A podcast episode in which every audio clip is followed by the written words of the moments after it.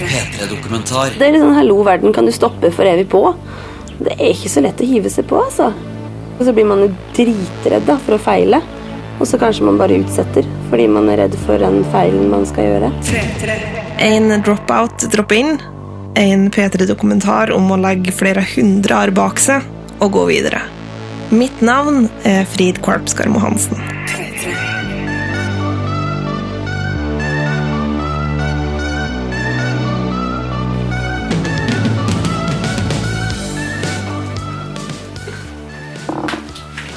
Det er lykketrusa mine.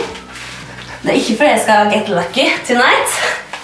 Det er fordi når jeg har på meg lykketrusa mi, som jeg har fått av søstera mi, så føler jeg at alt skal gå bra. Det her er Linda Aaland. Hun er 27 år, har pannelugg og størrelse 35 i sko. Akkurat nå så står hun og pynter seg, før hun skal på Kartfestivalen som arrangeres i heimbygda Gvarv. Det er så mye hår. Du har mye hår. Ja, nå er det veldig tynna ut. Og denne pyntesansen den er litt mer høytidelig enn du kanskje skulle tro ved første ørekast.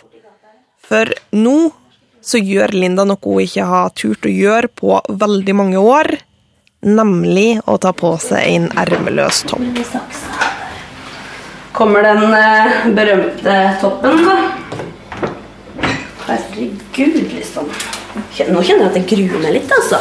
Grunnen til at Linda så lenge har holdt seg til den heldekkende linjen, er at hun skjemmes. Hun skjemmes over de utallige arrene som strekker seg over hele kroppen hans, ifra leggen hele veien opp til venstre kinn. Har du prøvd å telle over noen gang? Nei, ja, jeg har prøvd å telle, men jeg mister tellinga, for det er så mye sånn oppå hverandre. Men det var sånn jeg telte sår en gang, Du kunne ha sånn over 100 kuttsår på en gang. Som var sår? Som var sår før det hadde blitt arr. Og da var vel da jeg begynte å slutte å telle òg, da. Fordi det var, mye, det var ikke mulig å telle det lenger. Nå så har alle sårene til Linda grodd. Etter over ti år som alvorlig psykisk syk, så begynner hun nå å bli så frisk at hun har lyst til å droppe inn i det livet som hun droppa ut av når hun ble syk som tenåring. Og det er derfor hun nå står på badet med bare armer. I et forsøk på å venne seg til arrene. Legge de bak seg og gå videre. Spørsmålet er jo om hun tør. For kan man egentlig bare legge hundrevis av arr bak seg og starte på nytt igjen? Det her er litt sånn eh, det her, Sånt har jeg aldri gått i. Faktisk. Er det ikke en lapp? Aldri. Jo, når jeg hadde reinarmer, så. Når var da? Jeg var 13. Kjenner at jeg egentlig har lyst til å grine litt. Hvorfor? Fordi det er veldig Åh, nå skjelver stemma. Faen, så teit. Armene mine er et sårbart tema. Arra mine er et sårbart tema. I've times to count. I am a walking, talking piece of coal. You remind me of why I moved away and chose to stay in the cool, cool shade. Men før vi finner ut om Linda våges ut i verden med bare armer, Føler meg ikke vel ennå. Før vi liksom lar henne gå videre, så må vi gå litt tilbake. For eh, hvordan havna hun egentlig i uføre i utgangspunktet? Og ikke minst så lurer jeg jo litt på hvordan påvirker det en person å gjennomleve 20-årene på trygd? Jeg har hatt min identitet som syk. Og det har jo noe med at jeg visste ikke hvordan det var å være frisk. Jeg kunne ikke huske hvordan det var å være frisk. Så jeg turte nesten ikke prøve på det heller. Fordi hva, hva var det å være frisk, da? Noen ganger så valgte jeg å forbli sjuk, fordi at å ta sjansen på å gå inn i noe fremmed var altså så, så forferdelig skummelt at jeg bare Jeg turte det ikke. Så det var litt sånn trygghet knytta til det, og var hun syke? Ja, altså, folk kjente meg som det. Jeg blei på en måte godtatt som det. Uh, og inni meg så kjente jeg kun den delen av meg sjøl. Forsøker du å unngå å fortelle til nye mennesker at du er ufør? Ikke nå lenger. Men du gjorde det før? Mm. Hvordan gjorde du det? Eh, På et tidspunkt så bare lot jeg være å reise ut av leiligheten i frykt for å få spørsmål, fordi jeg skamma meg så. Eh, Og det var en del av den angsten jeg hadde i meg, og det var mye skam, så jeg, jeg bare holdt meg hjemme aleine bak en låst dør, så slapp jeg å, å vise meg som den der stakkarslige, sjuke, ekle mennesket jeg følte at jeg var. Hvor lenge gjorde du dette? Jeg, sånn med å isolere meg så holdt det på et par-tre år, tenker jeg. Jeg kunne hente posten på kveldstid, for da var det mørkt. Og det er snakk om 50 meter. Det var en kjempeutfordring. Var det sånn at du måtte få noen til å handle for det? Og... Mammaen min måtte komme med handleposer. Med, gjorde det sånn at hun handla for meg hver helg, da. Og Da handla hun inn for en uke. Da fikk hun handlelapp og penger, og så reiste hun på butikken og kom opp igjen med varer. Eh, For da jeg gikk heller sulten enn å gå på butikken. For jeg turte ikke ut. Det her er Gamlegata, da. Her begynner Gamlegata. Scenen for det hele er Gvarv i Telemark. En plass hvor det er så få innbyggere at folk finner det naturlig å rope når de ser en sambygding som kommer hjem med bussen. like måte! Vi går et par hundre meter opp i veien, og der så finner vi Linda sin barndomsheim. Hallo! Linda har akkurat kjøpt sin første leilighet, og mens hun venter på å overta, så bor hun her hjemme hos mor. Og det her er et sånt hus som er fullstendig strøkent. Du kan sleike langs dørkarmene, og du vil ikke finne et støvkorn. Og da er jo selvsagt takket være Lindas mamma. Hei, hei! Dette er mammaen. Anne-Berit. For Linda så starta veien mot trygda allerede når hun bodde her hjemme på jenterommet. 16 år gammel så prøver hun å ta livet sitt første gang og blir tvangsinnlagt på en psykiatrisk institusjon. Hun får da diagnosen emosjonelt ustabil personlighetsforstyrrelse og dropper ut av videregående. Og sjøl om Linda da er alvorlig psykisk syk, så forteller ryktene på bygda at det egentlig er noe annet som er problemet. De veit at hun har slitt, men de trodde det var mye trass med deg en periode òg. Det opplevdes som om folk trodde det, i hvert fall. Folk syns det at jeg har ikke tatt henne hardt nok. Jeg, måtte, jeg skulle være hardere, ta henne hardere, sette mer grenser. Men det har ikke jeg greid som mor. Og så har jeg vært veldig redd for å tråkke over. Og at hun skal tro at jeg ikke er glad i henne lenger, og at hun er bare en byrde for meg. Og at hun dermed kunne skade seg og bli enda sjukere. I verste fall dø fra meg. På tampen av tenårene så blir Linda bare sjukere, og 20 år gammel så er fremtidsutsiktene så mørke at hun kvalifiserer for honnørrabatt. I begynnelsen så syntes jeg det var kjempeflaut å bruke honnørkort, for da visste alle at det var trygda. Som det kalles på folkemunne. Det er sånn skjellsord å være trygda. Så jeg kvia meg veldig. Det var vel ingen som kom direkte til meg og sa det, men jeg fikk høre fra andre hva folk hadde sagt. Det med at Linda sitter jo bare på ræva og får masse tusenlapper hver måned. Eh, Liksom hva, hva er rettferdigheten i det? Mens andre måtte jobbe da, den rumpa av seg for å tjene penger til livets opphold. Og da, det fant jeg som veldig sårende. Fordi det var ingen som kunne sette seg inn i hva slags jobb det var å være Linda. Men her så lurer iallfall jeg på hva tida egentlig har gått til. De ti årene mellom man er 16 og 26. Det er jo de årene hvor folk tar utdannelse, reiser, får seg noen kjærester, gjør da slutt med noen kjærester, begynner jobb. Man finner jo ut hvem man er, og hva det er man vil. Hva er det Linda har brukt de her ti årene på? Jeg, jeg var jo bare, jeg var jo bare sjuk og innlagt. Og litt hjemme og innlagt igjen. Jeg fikk jo ikke gjort noe av det. liksom. Jeg fikk tatt litt skole, men jeg har ikke ferdig videregående. Eh, så, mens alle andre på en måte ble voksne, så, så var jeg bare dårlig. Og fikk ikke utvikla meg på riktig måte. Og det, det snakka jeg med venninnene mine om her om dagen. Den derre delen i meg som er veldig voksen, nesten som en gammel dame. Og så er den delen i meg som er veldig ung. Som, som er så uerfaren i livet ennå, da, for jeg har akkurat begynt å leve. Det er ikke så lenge siden jeg begynte å leve et godt liv. Hvis du vil, så kan vi gå opp til den der jeg bodde før. Ja. Det er enda oppi her. Linda hun tar meg med på en rundtur i nabolaget, og i en radius på 500 meter så finner vi alle stedene Linda har bodd. På den sida her kommer leiligheten min. Innenfor denne radiusen så har hun levd sitt liv, og jeg får etter hvert forståelse av at hun stort sett har brukt tida på å overleve. Hvor mange selvmordsforsøk har du hatt? Det veit jeg ikke, jeg har ikke tall på det, men det har vært eh, ca. Si, tre per år siden jeg var 16 til jeg var 25. Eh, noen år var det veldig mange, andre år kunne det være kanskje bare ett. Men sånn ja, kanskje gjennomsnittlig tre-fire per år. Jeg hadde så angst at jeg måtte, liksom gå, med, jeg måtte gå med truseinnlegg et år fordi jeg tissa på meg i redsel. Du har ikke kontroll på kroppen din, for du er bare livredd. Ah, seriøst? Yes. Og for en jente på 23 år så er det dritflaut, ikke sant? Jeg tørde jo ikke si det til noen, mens nå er det sånn Nå blir jeg 28, jeg bare Hvorfor var jeg så redd for å si det? Hadde jeg sagt det, så hadde de kanskje skjønt hvor ille det var. Jeg legger merke til når du snakker om det sjøl da når du har vært sjuk. Ja, Så tar du veldig mye som en sånn tredjeperson. Du sier gjør jeg det? Linda var veldig vanskelig å være lag med. Ja.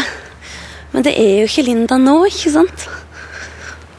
Så det Og er kanskje en måte å distansere seg fra sin egen historie på. Istedenfor å si 'jeg', så kan jeg si 'Linda', liksom. Jeg har et behov for at det her skal være fortid, at det skal snakkes om i fortid. Så har jeg behov for å poengtere at det, det er ikke sånn det er nå. Hvordan kan du være sikker på at det er fortid? Per nå så er det det.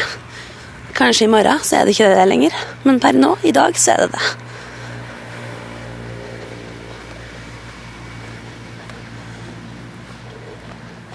Åh, bakker. Det siste halvannet året så har Linda vært så frisk at hun kan fokusere på noe annet enn å overleve. Hun har lyst til å fortsette der hun slapp i tenårene og liksom bli voksen på ekte. Men hun er redd. For i fjor så fikk hun en jobb på en gave- og interiørbutikk i nabokommunen. Men det gikk ikke mer enn to måneder før hun var så utslitt at hun rett og slett sa opp jobben. Og når jeg da kjente til slutt hvor sliten jeg var, og hvor mye det krevde av meg En helt vanlig jobb, men det krevde veldig mye av meg. For at jeg er i den situasjonen som jeg er, og var i. Så, så gikk ikke det. Og jeg var for stolt til å gå med på en avtale eh, om arbeidstrening gjennom Nav. For jeg ville ikke inn i Nav. Så jeg sa nei til det. Der sto sjefen min og tilbydde meg arbeidstrening. Kjempeflott gjort av henne. Og jeg sa nei, fordi stoltheten min stoppa meg. Jeg skulle ikke inn i arbeidstrening under Nav. Da skulle jeg heller si opp og finne en annen jobb når jeg var bedre. Hvorfor syns du det var så fælt? Jeg veit ikke. Det, det, eller jo, fordi nederlaget om å ikke klare 100% var bare så vanvittig. Den der, det nederlaget med å skjønne at det, Å nei, du er ikke som andre. Du kan ikke engang være i en 100 jobb. Hvor dust er du, Linda? Hva slags taper er du? liksom? Hvor svak er du? Jeg blei så skuffa over meg sjøl. Jeg ble så sinna på meg sjøl. Jeg var så Åh, jeg klarer ikke å forklare det, egentlig. Det var en sånn forferdelig følelse. Av å ikke strekke til, av å ikke være bra nok, av å aldri få til det man vil. Når man vil så gjerne, da.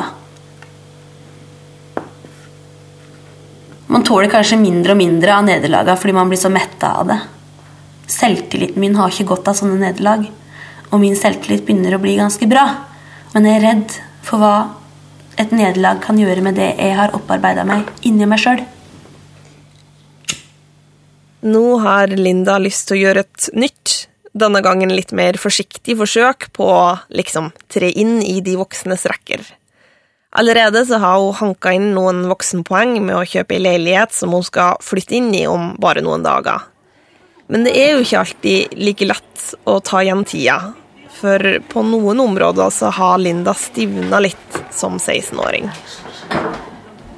Ja, Linda, nå er det ikke lenge før. Nei. Jeg var helt lusete når jeg la meg i går. Bare tenkte på den der leiligheten. Nå er det et problem, da. Jeg har ikke råd til maling.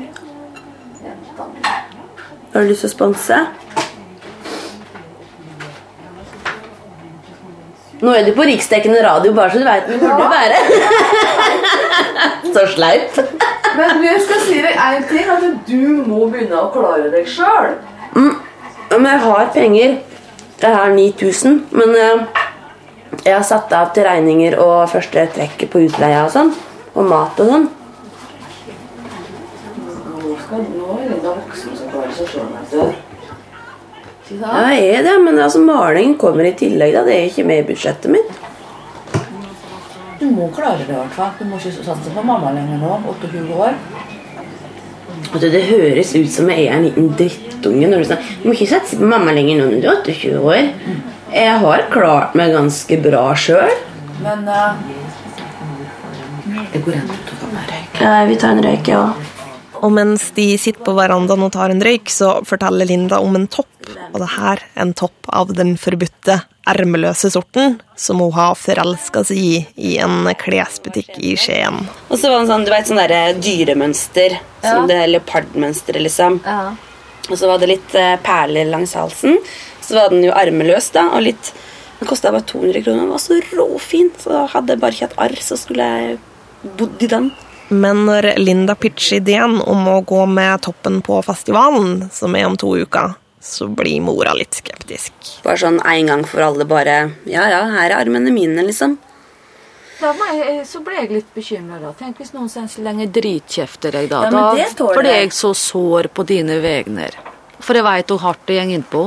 Hvis jeg velger å gå med en ermeløs topp, så er jeg også ganske forberedt på både blikk og kommentarer. Eh, Men jeg kan også si ifra at det der var ikke ok at du sa. Der er det kommet nå. Det er bra. Sett utenfra så kan jo kanskje denne diskusjonen rundt den ermeløse toppen høres litt overdrevent ut, for hvor stor greie er det egentlig?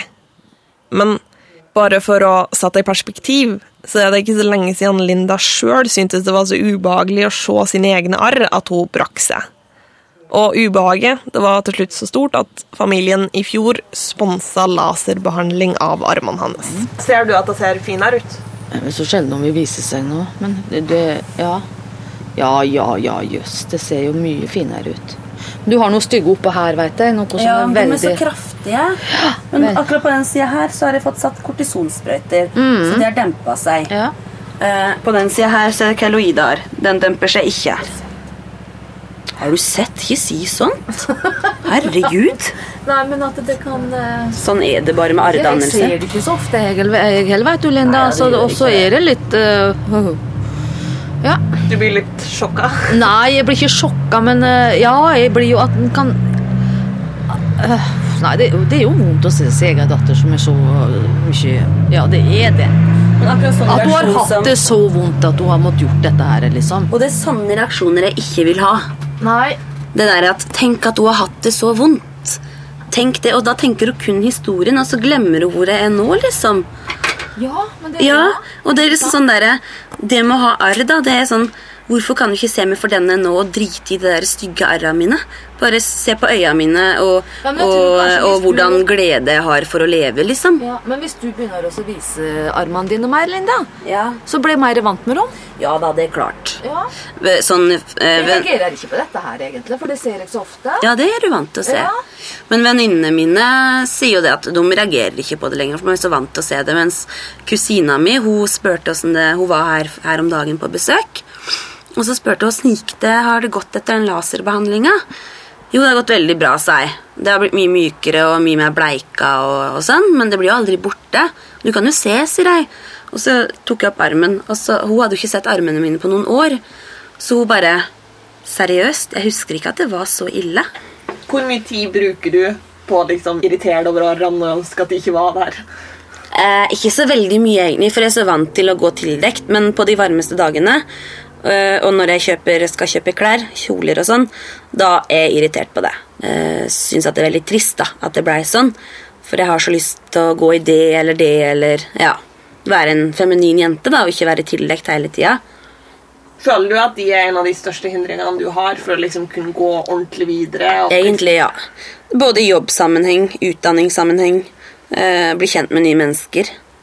Det vil alltid være noe som folk ser på og dermed eh, lager en historie rundt. Og jeg vil ikke at man skal ha det inntrykket av meg, for jeg er jo ikke der nå, liksom.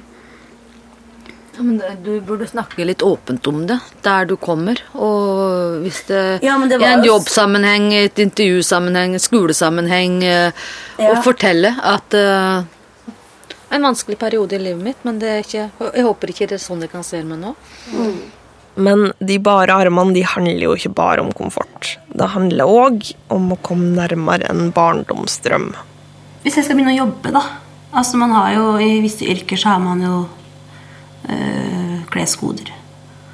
Kanskje du må gå med frakker med korte armer. Altså alt sånn innenfor helsesektoren, da.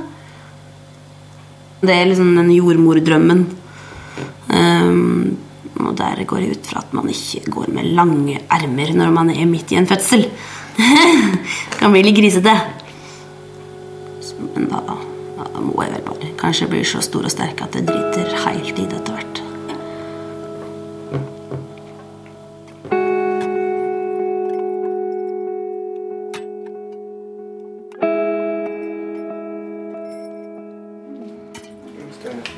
Det er derfra vi nå har kommet hit. Kommer den eh, berømte toppen, da? To uker seinere og én ermeløs topp rikere. Herregud, liksom. Nå kjenner jeg at jeg gruer meg litt, altså. Ute så bygges det opp til et regn av syndefloddimensjoner, så å gå med toppen på festival er plutselig ikke så aktuelt. Men Linda har bestemt seg for at hun vil bli med til sentrum av Gvarv og bli tatt bilde av i toppen, åpent til skue for alle som måtte komme forbi. Det her er litt sånn eh, det her, Sånt har jeg aldri gått i. Faktisk. Er det ikke en lapp? Aldri. Jo, når jeg hadde reinarmer, så. Når var det? Da jeg var 13. Kjenner at jeg egentlig har lyst til å grine litt. Hvorfor? Fordi det er veldig Åh, nå skjelver stemma. Faen, så teit. Armene mine er et sårbart tema.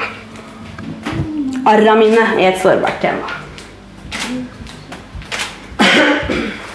Men sjøl om Linda nesten går i skrikinga når hun står og klipper vekk lappen i toppen, så kommer hun over kneika på et knips når toppen er på. Ja, det blir jo gøy, da. Jeg har alltid lyst til det. Vet du hva jeg gjorde en gang, eller? Nei. Med tanke på arra mine. Sendte melding eller mail til Jan Thomas Studier. Lurte på om de ville ta imot en gratis seanse og kle meg opp. Sånn som en ordentlig dame. Hva fikk du til svar? Jeg fikk prislista. Jan Thomas, altså. Jævla hattkuk Det tenkte jeg òg. Etter å ha vært fullt tildekt i årevis, så er øyeblikket nå kommet for å ta av seg jakken og la armene få luft i offentlighet. Der skal du selvfølgelig stå.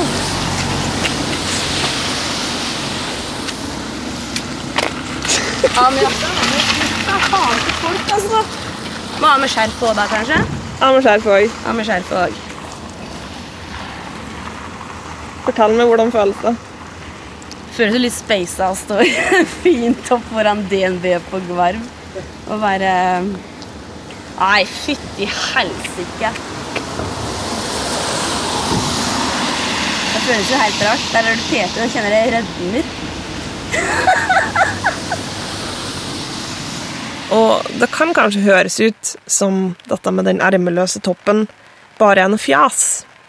Du tenker kanskje at det det bør handle om for Linda, er å få satt i gang med videregående, ta utdannelse, få en jobb. Men det denne toppen handler om, dypest sett, er jo ikke svette eller forfengelighet for den del. Det handler om sjøltillit. Jeg er litt stolt nå. Jeg syns jeg har gjort Syns jeg har gjort en del ting som jeg egentlig ikke tør. Når Linda står bararma i Gvarv sentrum, så handler da om å komme ett skritt nærmere den tryggheten som skal til for å stå for den man er. Akseptere det man har vært, sånn at man til slutt kan gå videre støtt på egne bein. Det er denne tryggheten Linda har testa når hun har latt seg avbilde med bare armer.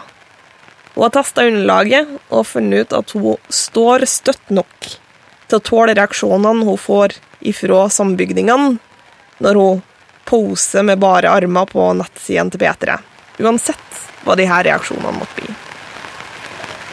Men når hun et kvarter senere sitter godt planta i regnponchoen på festivalområdet, er hun likevel spent på hvordan det hele kommer til å bli mottatt. Hadde du trodd når du snakka med meg første gangen, at uh, når vi møttes når jeg dro ifra det siste gangen, Ja.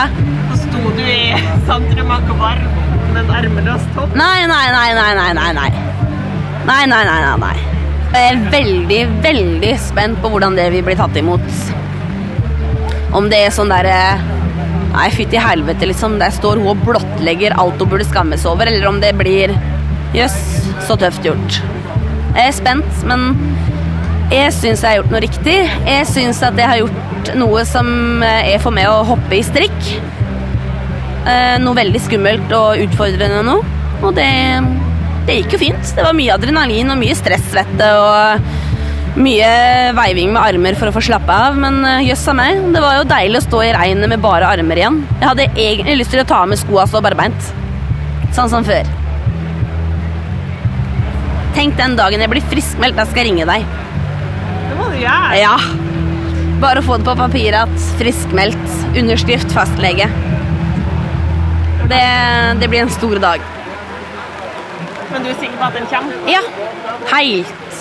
Jeg har jo hatt den drømmen at min, min tid kommer også. Jeg bare kommer til å henge litt etter. Så det har jo vært det der håpet som andre har minnet meg på at ja, men Linda, det her kommer altså Du òg skal det her, men du må bare bli litt bedre først. Mm. Så mens, de, altså mens venninnene mine da har fått eh, fantastiske eksamenskarakterer, og vi heier på de, så har jeg fått like mye heiing fra dem fordi at jeg klarte å gå på butikken den dagen.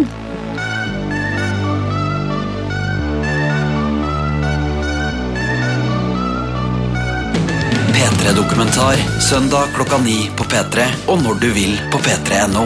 P3.